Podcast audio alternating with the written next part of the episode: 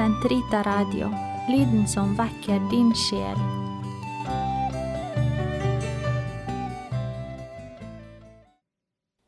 Den katolske kirkes katekisme, uke 46, lørdag 24.26 til 24.36.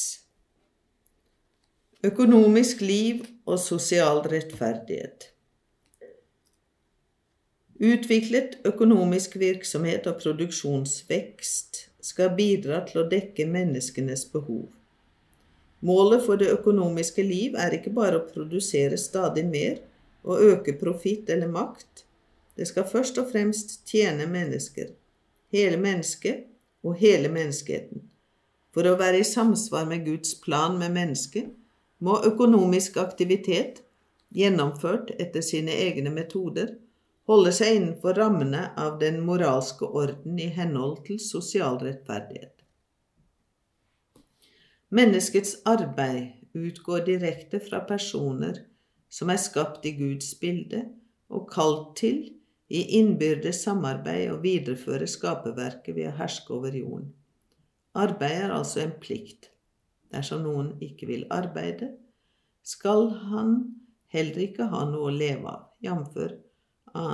Test 3.10. Arbeidet ærer skaperens gaver og de talenter man har fått.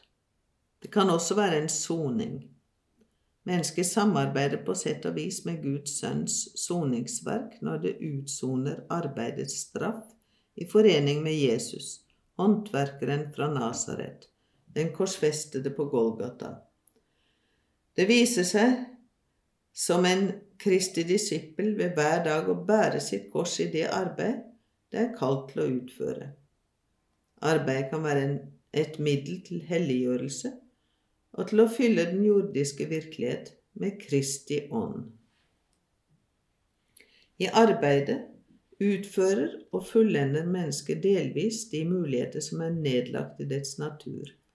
Arbeidets grunnverdi ligger hos mennesket selv, som er arbeidets opphav og mål. Arbeidet er til for mennesket, ikke mennesket for arbeidet. Enhver må i arbeidet kunne hente midler til å dekke sine egne og sine nærmestes behov og til å tjene det menneskelige fellesskap. Enhver har rett til å ta økonomiske initiativ, Enhver skal kunne gjøre bruk av sine talenter for å bidra til en rikelighet som kommer alle til nytte, og for å høste rettmessige frukter av sine anstrengelser. Man må passe på å rette seg etter de reguleringer som de offentlige myndigheter har fastsatt, til beste for fellesskapet. I det økonomiske liv står ulike interesser på spill, interesser som ofte står i motsetning til hverandre. Dette forklarer at det oppstår konflikter av den type som kjennetegner det. Man må forsøke å redusere disse gjennom forhandlinger, hvor man tilgodeser rettigheter og plikter for de respektive sosialpartnere. Bedriftsledere, lønnstagernes tillitsmenn, f.eks. fra fagforeninger, og eventuelt representanter for de offentlige myndigheter. Statens ansvar Økonomisk aktivitet, særlig markedsøkonomiens, kan ikke finne sted i et institusjonelt, juridisk og politisk tomrom. Den forutsetter at individets friheter og privat eiendomsrett er sikret. For ikke å nevne stabil pengeverdi og effektive offentlige tjenester. Statens fremste plikt er imidlertid å slikke Eh, å sikre slike garantier, garantier, slik at de som arbeider, kan nyte fruktene av sitt arbeid, og dermed føle seg oppmuntret til å utføre det effektivt og ærlig. Staten er forpliktet til å passe på og sørge for at menneskerettighetene respekteres innenfor den økonomiske sektor, men på dette området pålegger ikke dette ansvaret i første rekke staten, men de institusjoner og ulike grupperinger og foreninger samfunnet utgjøres av. Bedriftsledere står økonomisk og økologisk til ansvar overfor samfunnet for det de foretar seg. De har plikt til å ta de ansattes ve og vel i betraktning, og ikke bare jage etter større profitt. Profitt er imidlertid nødvendig.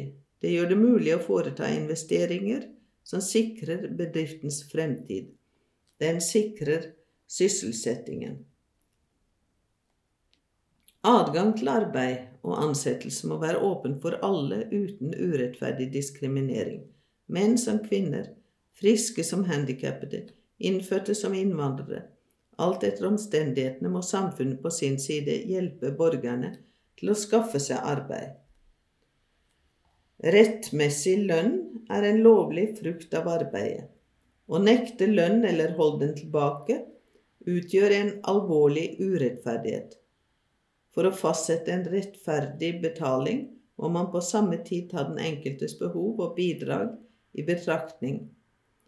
Arbeidet skal lønnes så godt at alle får anledning til å skape seg et anstendig materielt, sosialt, kulturelt og åndelig liv for seg og sine, under hensyntagen til arbeiderens stilling og produksjonsevne, bedriftens situasjon og det felles beste.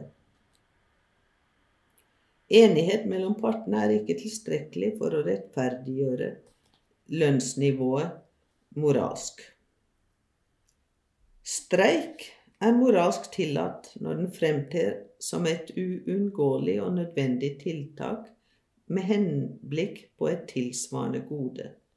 Den blir moralsk utillatelig når den ledsages av voldsbruk, eller når den gis målsetninger som ikke har noen direkte forbindelse med arbeidsforholdene, eller strider mot det felles beste.